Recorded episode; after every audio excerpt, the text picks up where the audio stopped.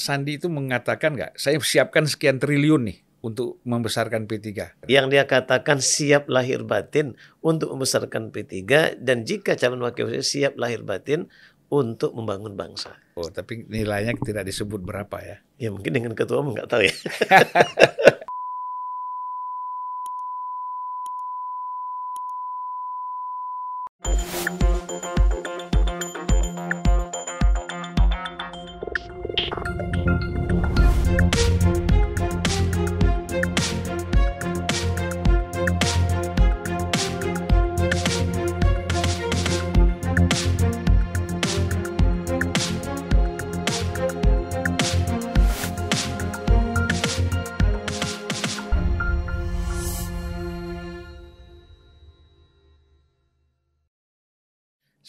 Assalamualaikum warahmatullahi wabarakatuh. Waalaikumsalam warahmatullahi wabarakatuh.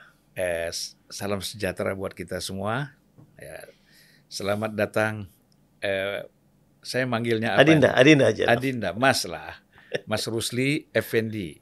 Ya, Waketum, Wakil Ketua Umum DPP Partai Persatuan Pembangunan. Iya, Bang. Luar biasa.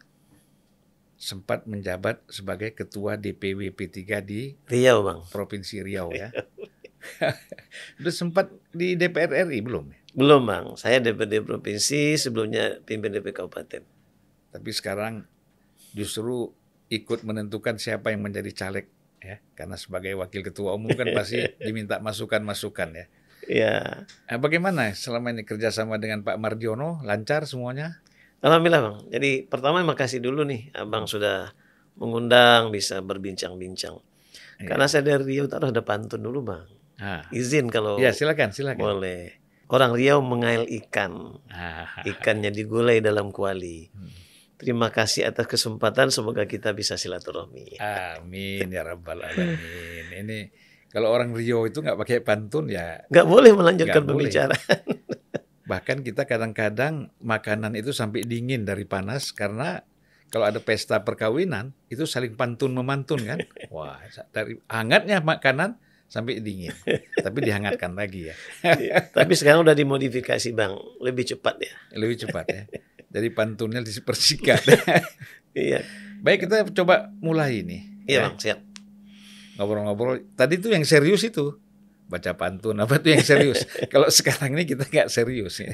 Santai-santai aja kan. Iya. Ah. S3, Bang. Santai serius selesai. Ah, ini kan terus terang aja yang paling menarik bagi masyarakat dalam melihat B3 ini, kok seorang yang namanya Sandiaga Uno, ya, itu berlabuh ke P3. Padahal kan banyak partai besar ya, ada eh, Gerindra, eh Gerindra dia sudah ya keluar dari Gerindra, kan partai besar tuh. Iya. Nomor dua ya, Iya, nomor tiga apa nomor dua Gerindra itu. Iya. Kemudian ada juga Golkar, ada Demokrat, ada PAN, PKS juga ada ngajak-ngajak. PKS. PKS juga sempat diundang, ya kan rame Iya. itu kan. Waktu diundang PKS kan sempat Iya. rame juga itu, goyang juga tuh koalisi perubahan ya. nah, tiba-tiba Sandi ini eh, berlabuh ke P3. Ya, apa hatinya tuh tertarik untuk dia bergabung dalam Partai Persatuan Iya. Pembangunan.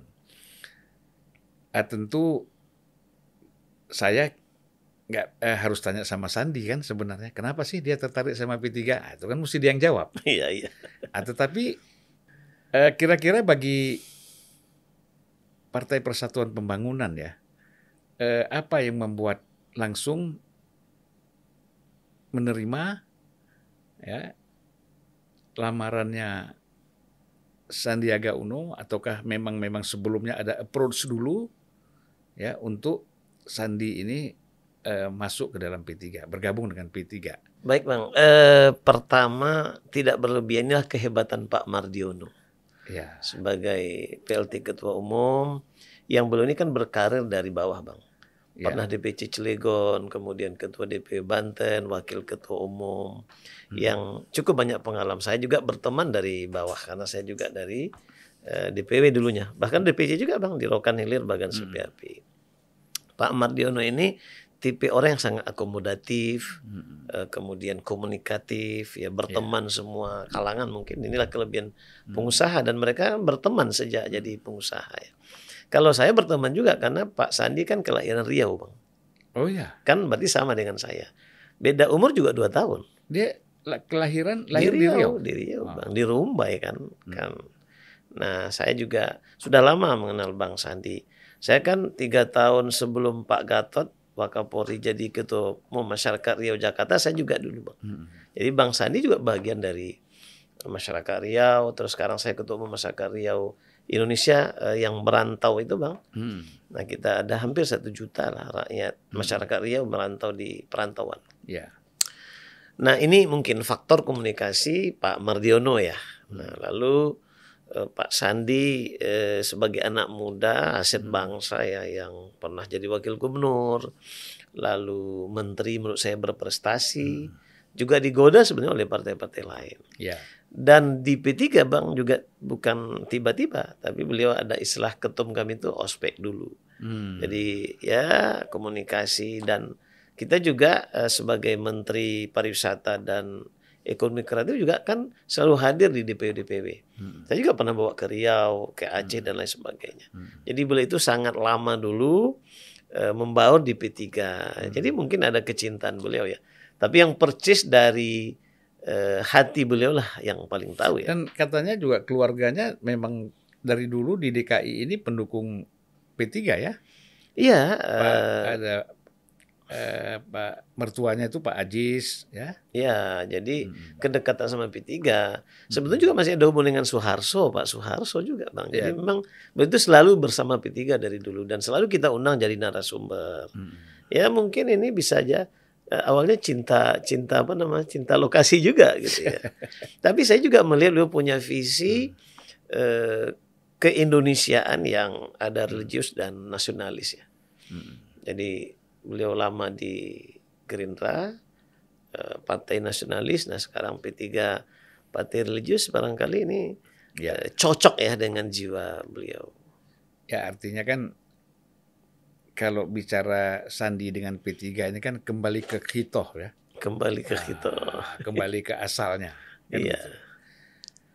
Eh, walaupun selama di Gerindra kita lihat juga kiprahnya cukup bagus Cukup ya. bagus. Nah, insya Allah kiprah itu bisa dikembangkan di P3 dan P3 menjadi majulah, menjadi besar ya.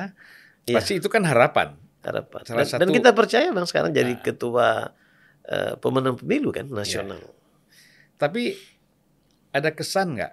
Ada kesan di luar ini kan seolah-olah bahwa Sandi ini ingin mengambil alih ketua umum P3. Di dalam bagaimana? Ada nggak pembicaraan-pembicaraan itu? Hmm, saya tidak melihat eh, dari sisi itu ya. Hanya saja barangkali ada yang berpersepsi karena beliau kan tokoh ya yang sangat populer. Hmm. Ya diukur juga dari survei-survei gitu. Hmm. Jadi eh, bagi P3 ini energi baru. Hmm. Ada juga bahasa ini vitamin eh, baru bagi Hmm. kekuatan P3. Nah, saya kembali eh, tidak boleh tadi inilah hebatnya Pak Mardiono. Hmm. Membuka diri untuk siapa pun. Tokoh-tokoh Iya. nasional lain misalnya dari TNI, dari polisi, dari akademisi, profesional bahkan dari dunia apa namanya eh, seni misalnya Gilang sekarang ke P3. Jadi ini Pak Mardiono memang sangat terbuka. Ya, ya. Jadi artinya bagi Pak Mardiono sendiri sebagai PLT Ketua Umum tidak ada kekhawatiran Ya. bahwa bila satu saat Sandiaga Uno menjadi seolah-olah kepingin mengambil alih P3. P3 se- ya, dan menjadi ketua umum. Itu terbuka aja ya. Nanti Iya. kan ada munas ya. Eh, Muktamar kalau Eh muktamar. Kalau muktamarnya memang memilih siapa ya terserah aja kan gitu. Mungkin bisa aja memilih Soeharto lagi ya. Ya, Namanya muktamar ya kan. Muktamar. Diberi kebebasan untuk menentukan Iya. Bagi kader-kader untuk menentukan siapa yang mereka pilih menjadi ketua umum, ya kan? Bisa juga wakil ketua umum menjadi ketua umum kan? Itu kan tergantung ya. Jadi kita demokrasi aja ya. Iya. Saya mendengar bahwa selain Sandiaga Uno, Erick Thohir juga sempat mendaftar ke P3. Waktu itu ketum kita Pak Mario memberi ruang yang sama. Hmm. Jadi untuk silaturahim turun ke DPW DPW Indonesia antara Bang Sandi dengan Pak Erik sama. Mm-mm. Jadi itu itu saya bilang kehebatan ketum itu sangat terbuka. Mm-mm. Jadi nggak pernah melihat dari sisi kekhawatiran di ancaman, tapi bagaimana tanggung jawab sejarah Pak Mardiono di tangan dia P3 ini harus bangkit, Bang. Hmm. Nah karena itu terbuka untuk siapa pun. Gitu. Iya, iya. Nah jadi dua-duanya diberi yang sama waktu itu. Dan faktor eh, roh, eh, Romi bagaimana? Romi? Ya posisi eh, Gus Romi sekarang kan ketua majelis pertimbangan ya, pengganti si Pak Mardiono. Oh, Memang lazimnya eh, ketua-ketua umum itu menjadi ketua majelis pertimbangan. iya, iya. Kalau Mas Soeharto nggak ada jabatan sama sekali ya? Kita tawarkan awalnya, Oh, kita tawarkan, tapi beliau kurang berkenan ya fokus menjadi menteri. iyalah. Yang penting kan ada tawaran. Oh ditawarkan, Pak Mardiono menawarkan. ya. Jadi sebenarnya kalau kita lihat ya, eh, apa sih sebenarnya? Kan pasti kan ini Sandi kita terima masuk ke dalam partai. Ya. Kemudian perannya besar. Ketua Bapilu itu bukan main-main Ya. dalam tahun politik ini. Bahkan ketua Bapilu inilah yang sangat menentukan. Walaupun tetap koordinasi dengan Ketua pengurus umum. ketua umum dan pengurus yang lain. Ya.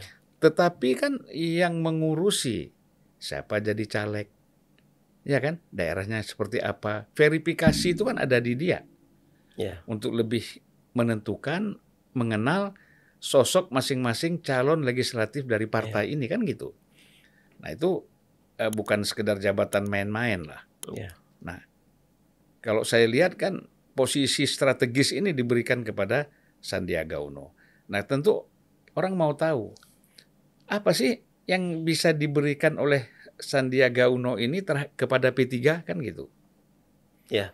Jadi eh, Pak Sandi menjadi ketua Badan Undang Pemilu kan di eh, baru baru ini ya bang beberapa waktu habis eh, rapimnas soal caleg sebetulnya sudah disusun ya oleh Bapilu sebelumnya. Ya. Nah tetapi sekalipun ada ruang kan untuk perubahan-perubahan.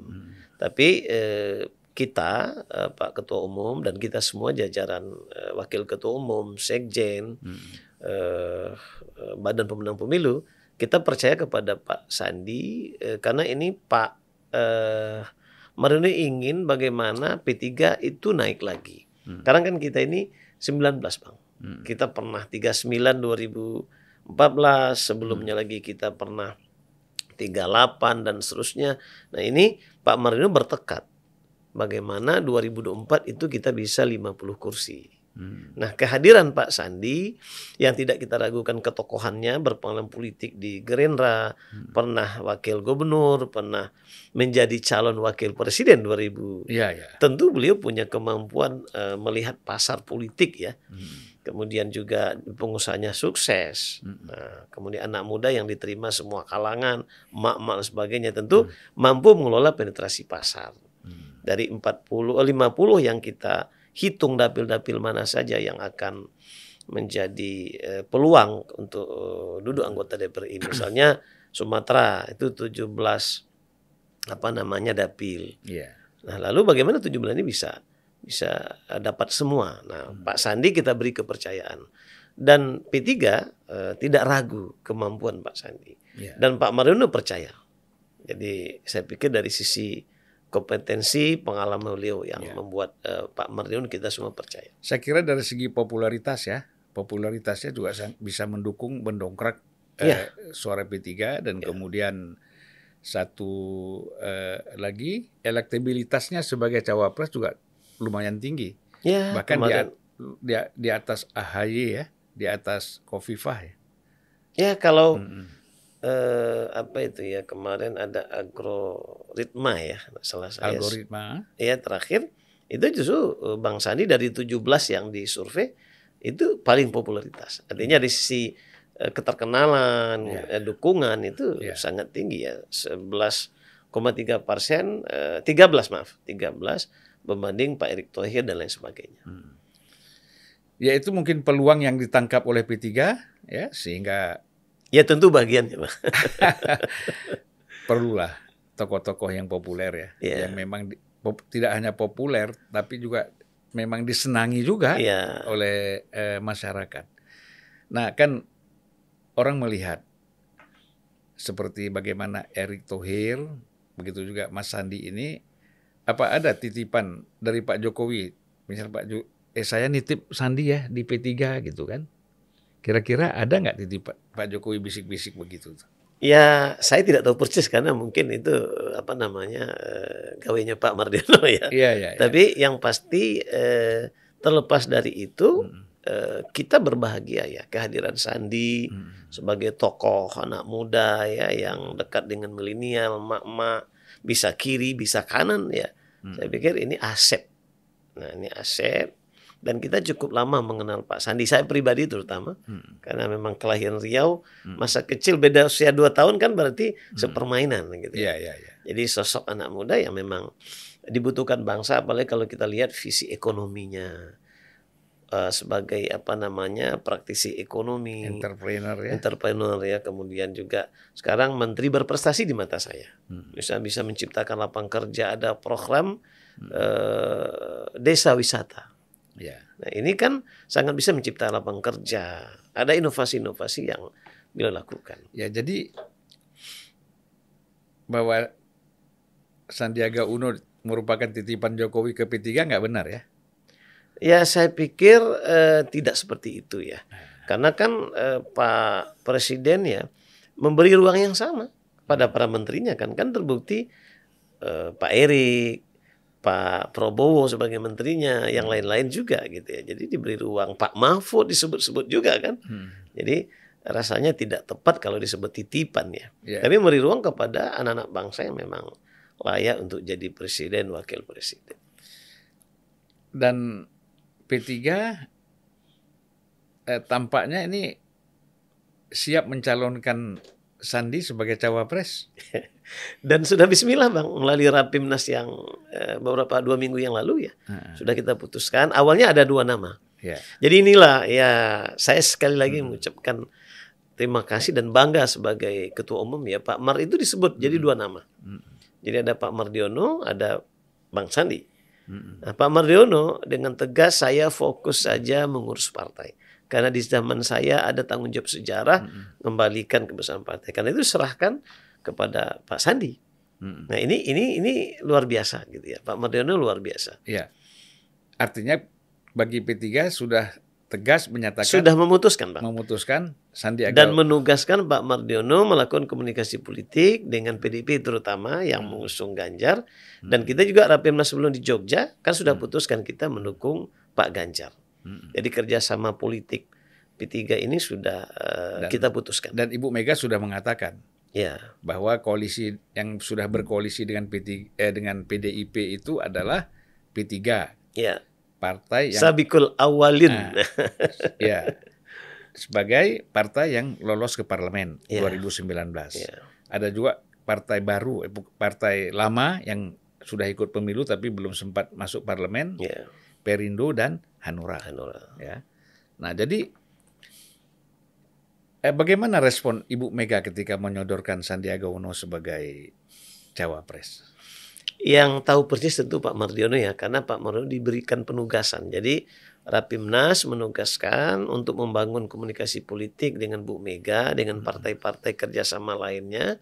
Itu kita tugaskan Pak Mardiono. Hmm. Tapi eh, kita berbaik sangka dan kita yakin ya, Bu Mega ini bijaksana. Hmm.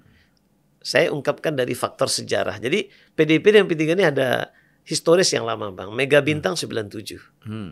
Kan kita dulu uh, dua partai yang uh, ditekan Modric oleh ya dulu Modric ya. Mega iya. Bintang ya.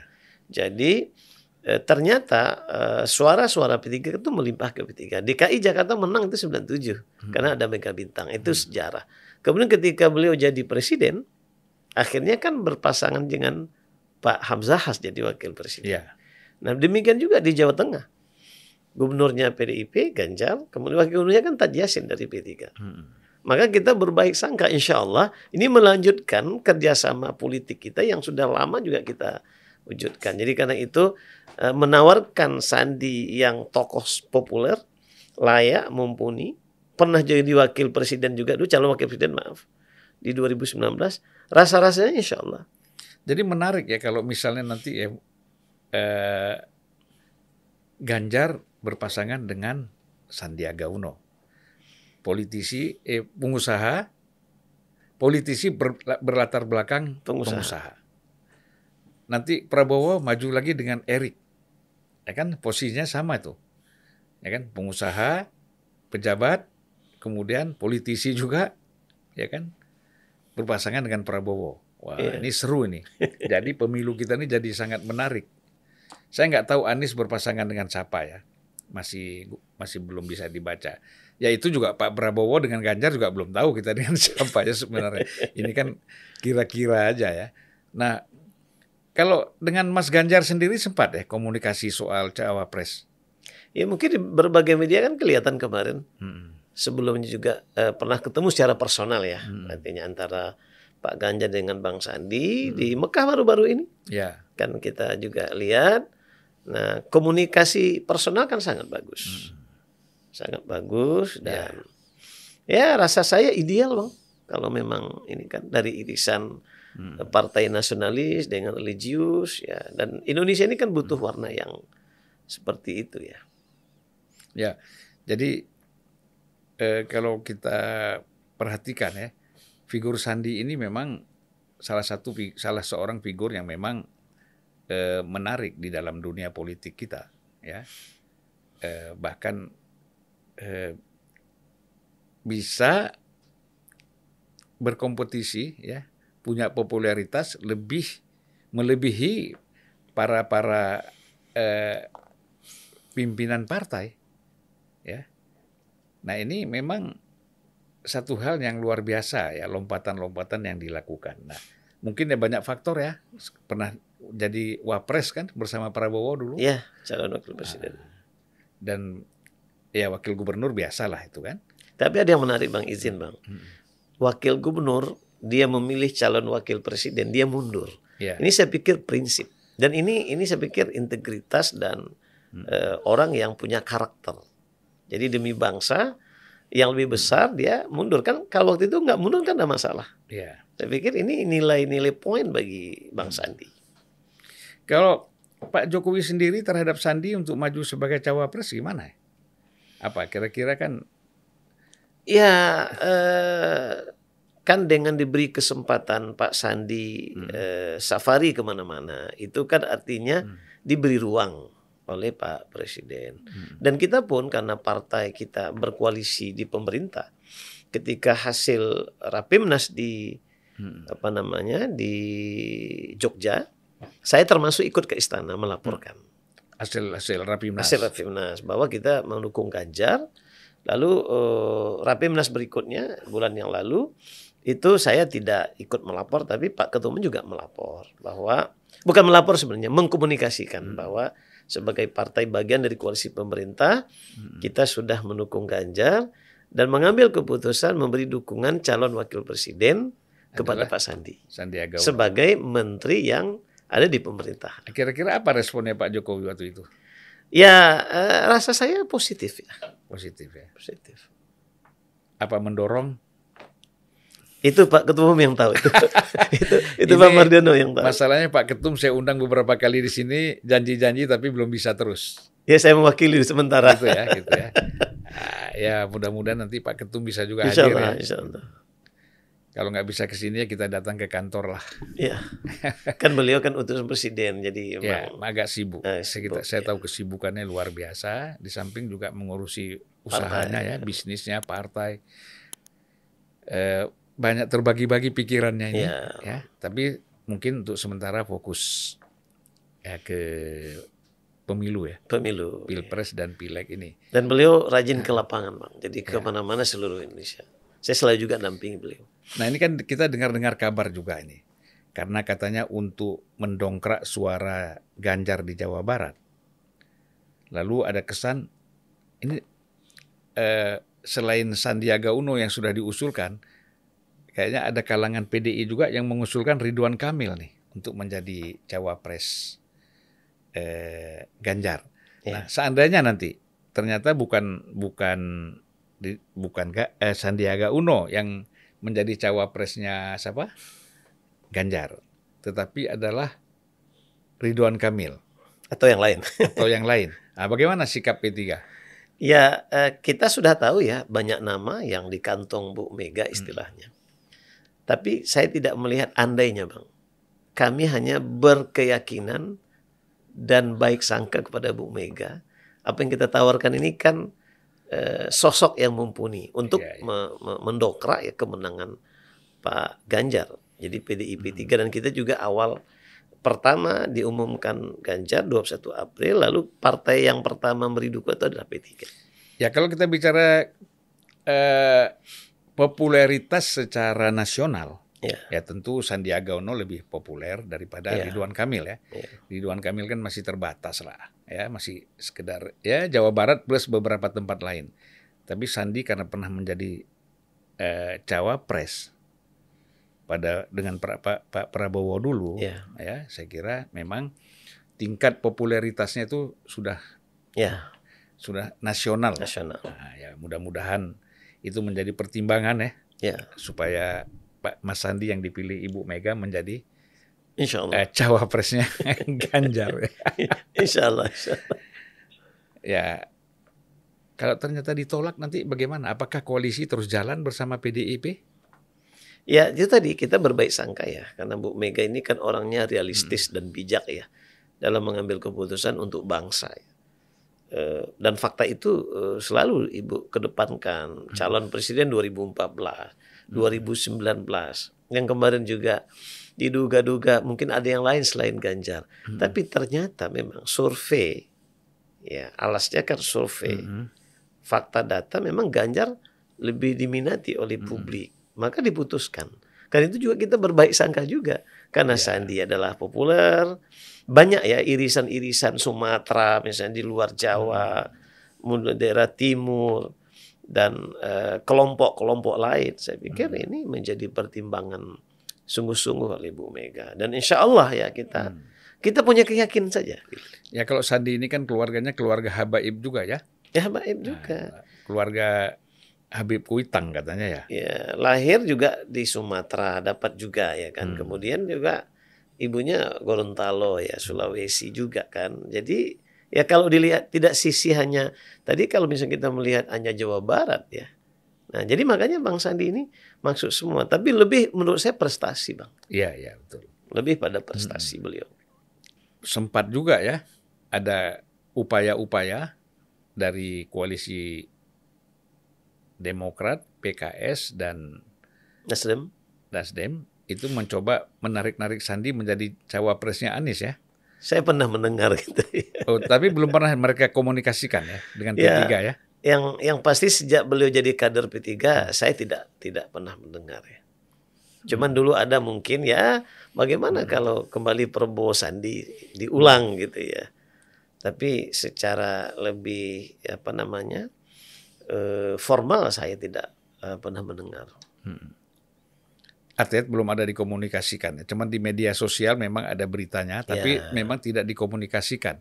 Ya, tidak. P3. Setahu saya tidak. Ya, Setahu ya. saya tidak. Ya. Apalagi setelah kita putus Rapimnas bahwa Bang Sandi memang kita calon wakil presiden bersama PDIP bersama Ganjar. Nah, jadi tutup peluang yang lain.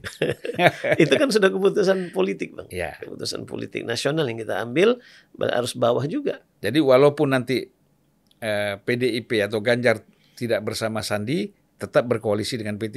Eh, Semua- dengan dengan PDIP. ya semoga tetap bersama bang. Ya, ya. Insya Allah Kalau kita lihat ya 2019 itu kan memang banyak faktor ya yang membuat agak agak turun bes- besar itu P3 ya suaranya ya. Dari berapa tadi? 39 39 menjadi 19 19 itu kan berarti berapa persen? Itu hampir 50 persen ya. Ya. suara berkurang gitu ya. Nah satu memang ada faktor musibah bang musibah ya karena waktu itu pas Mas Romi ya sebagai ketua umum ada masalah hukum ya ya Nah, orang bilang itu kriminalisasi dan lain-lain itu silakan lah itu ya. soal soal lain ya Soal lain, tapi kan ada kasus hukum lah Ya. gitu ya. Nah, kemudian ada yang bilang juga, ah inilah gara-gara P3 ini koalisi dengan PDIP akhirnya suara turun. Nah, ya kan? Itu itu pandangan orang. Tapi apa benar ada dirasakan seperti itu di dalam P3? ya yang pasti kan musibah ya Mm-mm. Gus Romi yang punya program eh, sebulan itu bang hampir saya sebulan sebelum pemilu itu Hmm. terjadi musibah programnya jadi nggak jalan Hmm. lalu Bang Harso pengganti PLT waktu itu juga tiba-tiba menjadi penerima mandat yang juga eh, apa namanya sebulan jadi tidak bisa melakukan langkah-langkah politik apa pun ya Hmm. kalau soal kita kerjasama misalnya mendukung Pak Hmm. Jokowi saya pikir yang lain juga mendukung Pak Jokowi Ya. tapi juga bagus misalnya Nasdem Hmm. Nah, tapi lebih situasi eh, musibah yang kita alami sehingga ya kita juga dapat hukum sanksi sosial kan, Bang. Karena ini ketua umumnya terlepas soal hukum ya, Ya. eh, apa namanya eh, terjebak korupsi dan itu ditangkap gitu ya. Ya. Jadi lebih dari sisi itu gitu. Hmm. Nah karena itulah kita optimis insya Allah 2024 kita akan lebih bagus kehadiran Bang Sandi juga memberi energi baru. Hmm. Insya Allah kita bisa kembali bahkan kita punya cita-cita realistis itu eh, 50 Bang. Gitu ya. Itu faktor budget juga ya. Faktor anggaran dana juga yang dimiliki ya.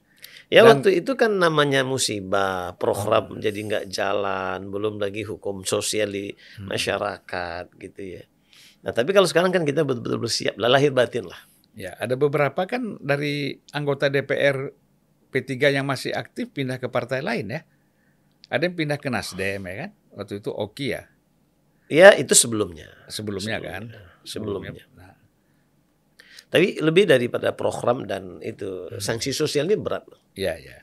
Ya makanya Pak Mardiono sekarang benar-benar bekerja bagaimana kembali kepercayaan masyarakat. Ya kalau P3 ini kan sebenarnya alternatif ya. Kalau kita bicara partai Islam yang masih utuh sebagai partai Islam itu memang tinggal P3 kan? Iya. Kalau PAN kan sudah terbuka.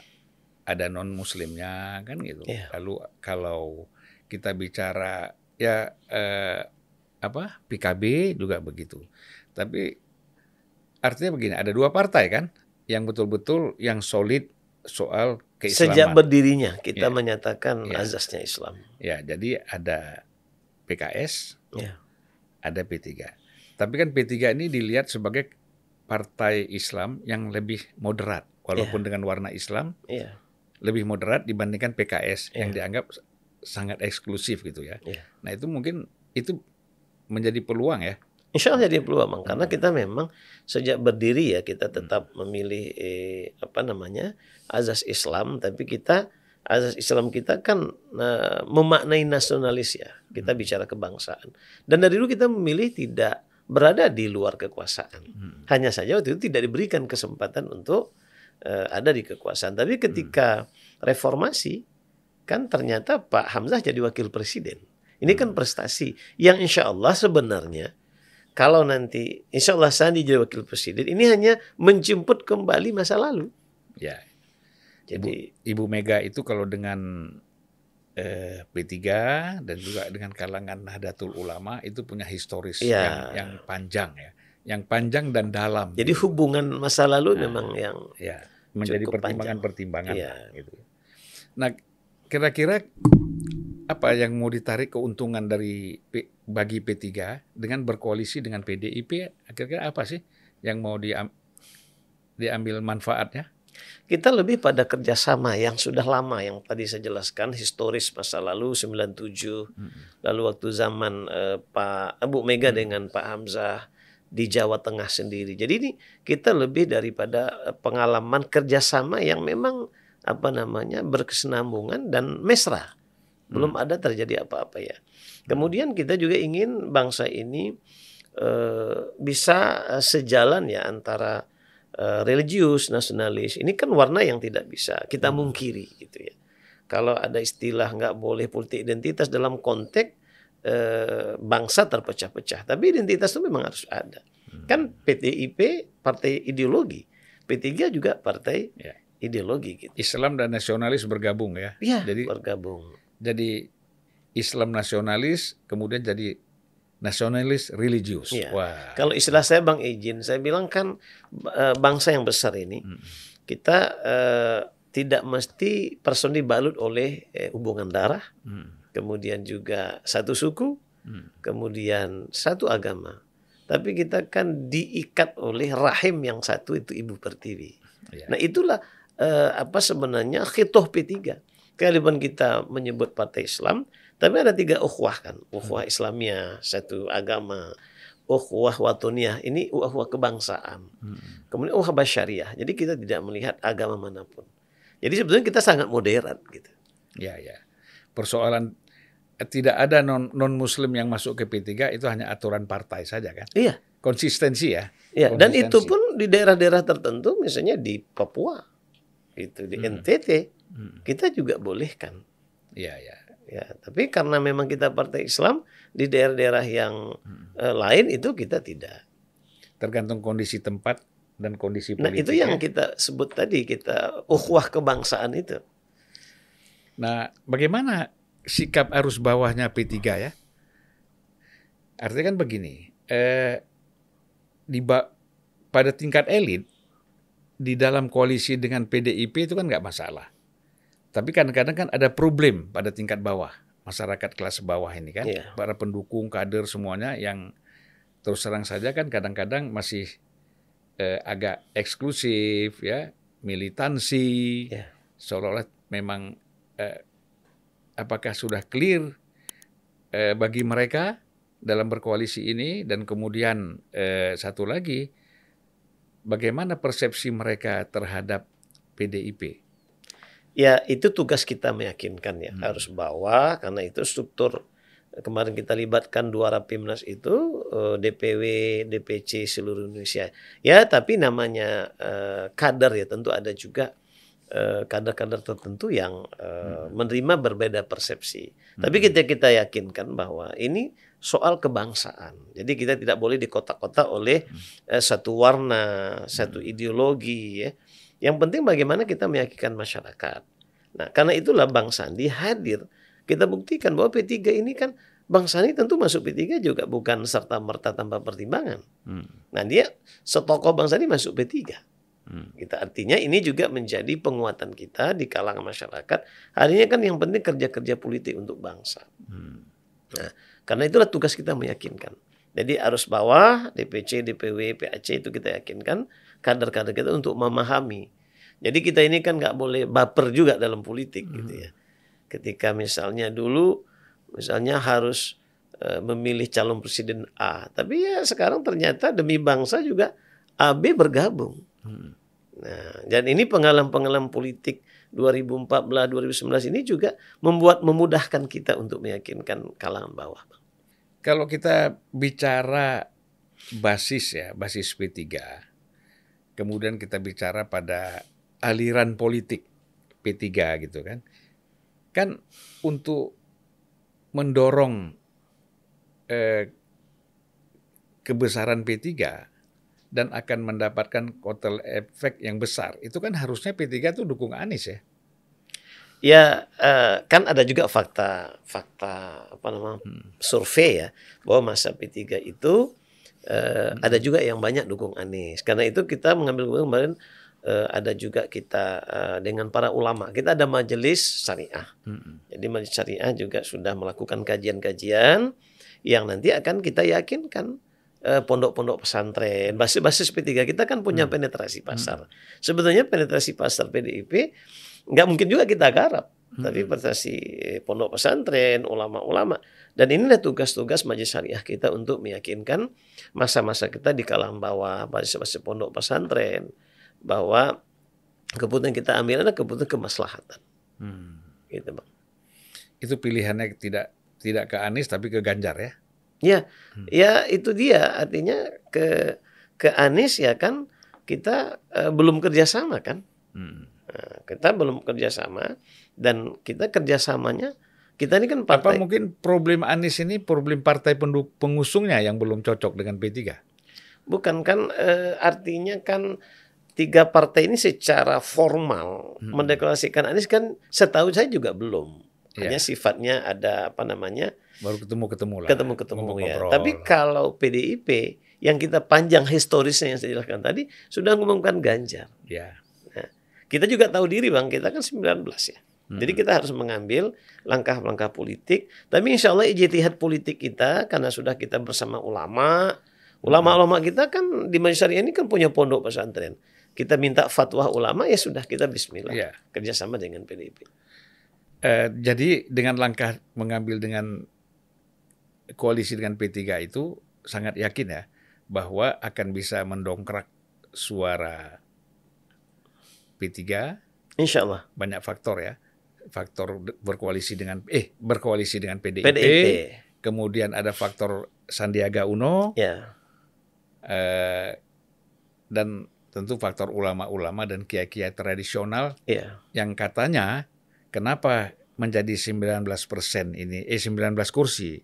Saya mendapat informasi memang selama kepemimpinan Soeharto itu eh Soeharso Soeharto. Soeharso Monoarfa itu eh, kurang diperhatikan yang namanya kiai-kiai pondok-pondok tradisional itu.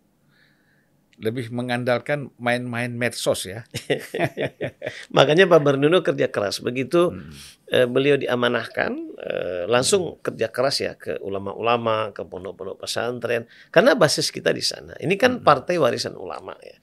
Hmm. Nah, oleh karena itulah Pak Mardino melakukan itu. Termasuk saya sebagai wakil ketua umum, saya kan juga eh, orang-orang yang latar belakang basis keislaman gitu ya. Iya. Nah, insya Allah faktanya sekarang kan survei terakhir kita sudah di atas 4 persen. Ya. Oh ya, bukan 2,9. Itu kan yang lama bang. Oh yang lama. Yang baru berapa?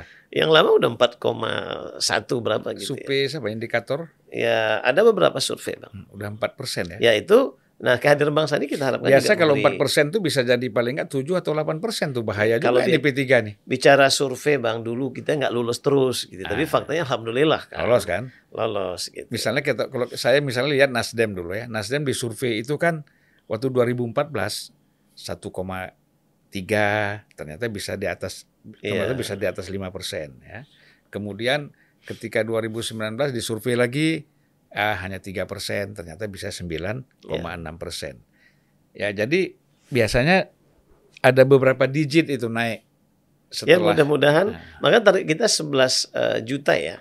Mm-mm. Jadi mudah-mudahan itu bisa terwujud. Nah kita beri beri tugas mulia sebenarnya. Kalau saya tidak tugas berat, tugas mulia kepada Bang Sandi sebagai Ketua Badan Pemenang Pemilu Nasional. Oke lah, selain merekrut Sandiaga Uno ya, apalagi upaya yang dilakukan oleh eh, Partai Persatuan Pembangunan untuk mendongkrak, untuk apa membesarkan eh, suara P3. Kita kerja-kerja politik bang kan ada tiga trilogi pemenangan kita ya. Di samping eh, kultur partai kita berbasis Islam, ulama, pondok pesantren, penetrasi pasar, om-omes pendiri, kemudian juga kita menguatkan struktur. Jadi Pak Ketum kita, Pak Mardiono itu luar biasa. Jadi penguatan struktur. Jadi kekuatan struktur itu kalau dihitung udah 6 juta. Jadi kalau berfungsi DPW-nya, DPC-nya, PAC-nya, ranting itu udah 6 juta, Bang. Gitu. Kalau sekarang basis P3 itu di daerah mana aja ya? Yang kira-kira kantong-kantong P3 yang cukup besar gitu? Ya sebenarnya kan dulu juga Jawa Barat ya, Hmm. sebenarnya Jawa Timur gitu ya, Mm-mm. DKI. Nah sekarang makanya kita betul-betul DKI Banten kita, Pak Pak Mardiono kan di Banten ya, Ya, ya, punya ya. perusahaan di Banten ya kan, itu yang basis-basis selama itu kita kejar. Aceh. Aceh gitu ya, Riau sendiri ya Sumatera lah. Eh, nah tadi kerja-kerja struktur betul-betul ini dikelola oleh Pak Mardiono. Kemudian juga figur. Nah figur caleg-caleg itu Bang Alhamdulillah TNI, Polri dan orang-orang pengusaha-pengusaha juga sudah direkrut. Jadi Pak Mardiono kerja keras. Mm. Jadi itu yang membuat kita optimis. Jadi bukan hanya Bang Sandi, banyak tokoh-tokoh lain juga. Oke. Kalau mengenai sumber dana gimana ya? Kuat. Mungkin Sandi salah satu menjadi tulang punggung sumber dana ya. Ya kita kan sadar bang ada rumus candaan ya tapi nggak serius ya. La yamutu wa la yahya. Tidak bermutu tidak berbiaya. Nah sekarang kita ingin bermutu dan berbiaya insya Allah. Gitu ya. Pak Mardiono eh, sudah berkomitmen. Kan beliau pengusaha sukses. Ya, ya, ya. Ya dia Ya ini anugerah juga nih bagi saya di mana-mana katakan kehadiran Pak Mardiono jadi ketua umum, Bang Sandi sebagai ketua umum ini anugerah. ya bagi Pak Mardiono ini pertaruhan. Itu dia tanggung jawab sejarah, pertanggung jawab apa nama istilah beliau ini eh, reputasi politik saya gitu. Kalau senior-senior P3 yang lain masih aktif nggak ikut ber, ikut membantu apa tukar pikiran? Ya kan seperti Pak Zarkasi Nur itu 82 tahun lebih ya. umur. ada lagi kan si ini siapa Bang Bahtiar Hamzah ya? Ya pasti anaknya kan ketua DPP kita, wakil ketua komisi 5. Oh, anaknya. ya bagus tentu lah ya. cara moral tentu beliau dukung. Ada lagu juga Irgan ya, Irgan. Mbak Irgan masih, Masih ya ya. sekalipun tidak struktur ya. Yang senior-senior seperti duta besar Pak Arsol di Maroko. Ya. Ya alhamdulillah Bang Asrul masih di Maluku ya? Maroko. Waduh, kita Jadi di undang-undang belum sempat ke sana kita ini. Aduh, Bang Asrul itu harusnya maju gubernur Sumatera Utara itu ya. oh bisa. ya. Lengkap karunya kan. Hmm. Jadi selain P3 kan partai apa lagi kira-kira yang akan bergabung dengan P3 dan PDIP dalam koalisi ini? Mungkin dengar-dengar atau yang ada yang ingin juga bergabung lagi? Saya dengar ada, Ada ya? ada ya akan akan bergabung Misalnya mungkin di ujung-ujung. Siapa tuh? Wah saya nggak nggak nggak kapasitas bang kita bicara partai orang lain, tapi saya dengar ada gitu. Ya. Gitu ya. Insya Allah. Nah sampai hari ini kan KIB kan belum bubar.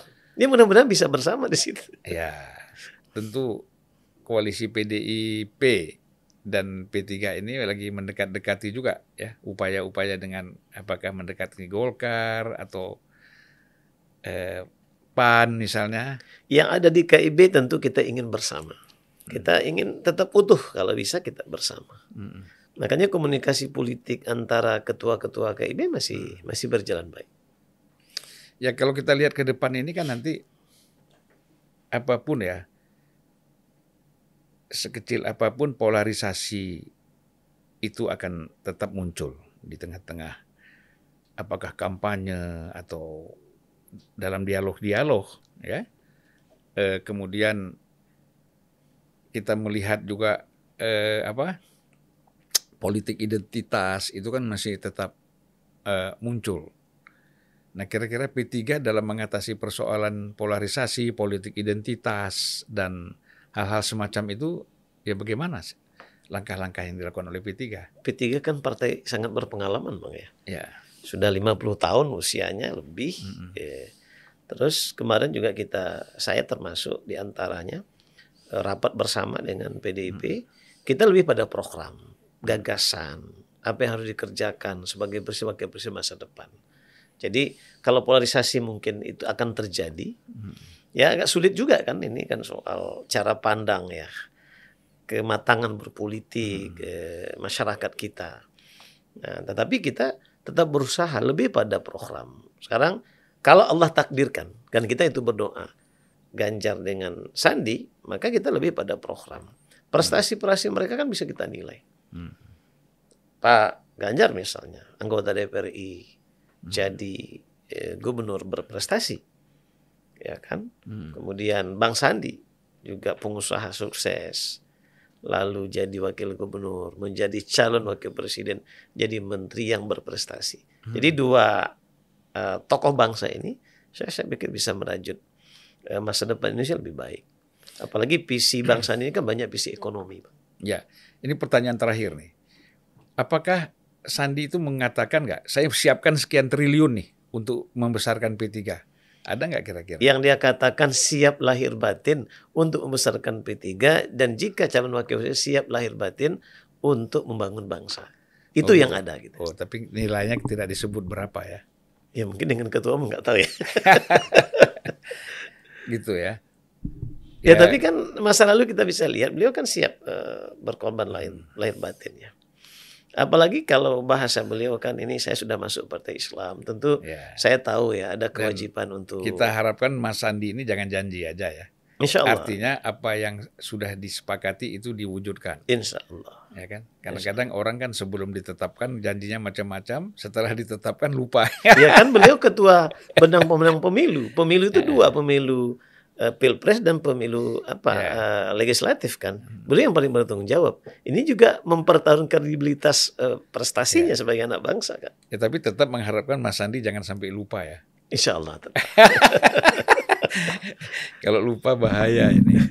Ya, ya tapi ini kan membangun trust, kepercayaan. Iya. Jadi dalam politik ini kita jangan main-main, ya kan betul. Ya. Kalau dia main-main ya trustnya orang nggak percaya, percaya. ke depan. Dan beliau kan masih muda ya.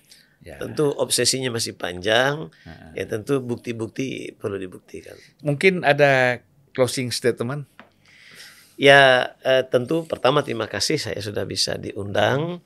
Lalu insya Allah kita punya keyakinan dengan kerja-kerja politik, dengan strategi yang dimainkan Pak Mardiono. Insya Allah P3 akan dapat sesuai dengan estimasi ya. Kita 50 kursi. Kemudian hadirnya Pak Sandi tentu memberi energi baru bagi kita.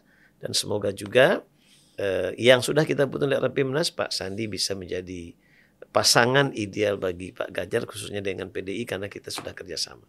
Ya. Dan semuanya ini untuk bangsa. Mudah-mudahan bangsa yang besar ini, eh, pasangan eh, nasionalis religius ini bisa membawa perubahan lebih baik, maju dan sejahtera. Itu harga mati nggak tuh Sandi sebagai cawapres itu? Ini ikhtiar maksimal. Ya gitu. Jadi kalau misalnya nanti bukan Mas, San- Mas Sandi yang jadi cawapres buat P3 tetap bersama PDIP ya koalisi ya. Kalau komitmen kebersamaan sudah kita bangun dari awal. Oke. Terima kasih Terima kasih. Mas eh, Rusli Effendi. Luar biasa. Terima kasih. Kita ngobrol-ngobrol santai ya Iya. sambil ngopi. Di awal kan ada pantun bang. Di ujung harus ada pantun. Silakan. Tepung tawar tepung sejati, Ah. tepung anak Sirwajapati. Kita sudah berbincang dari hati ke hati.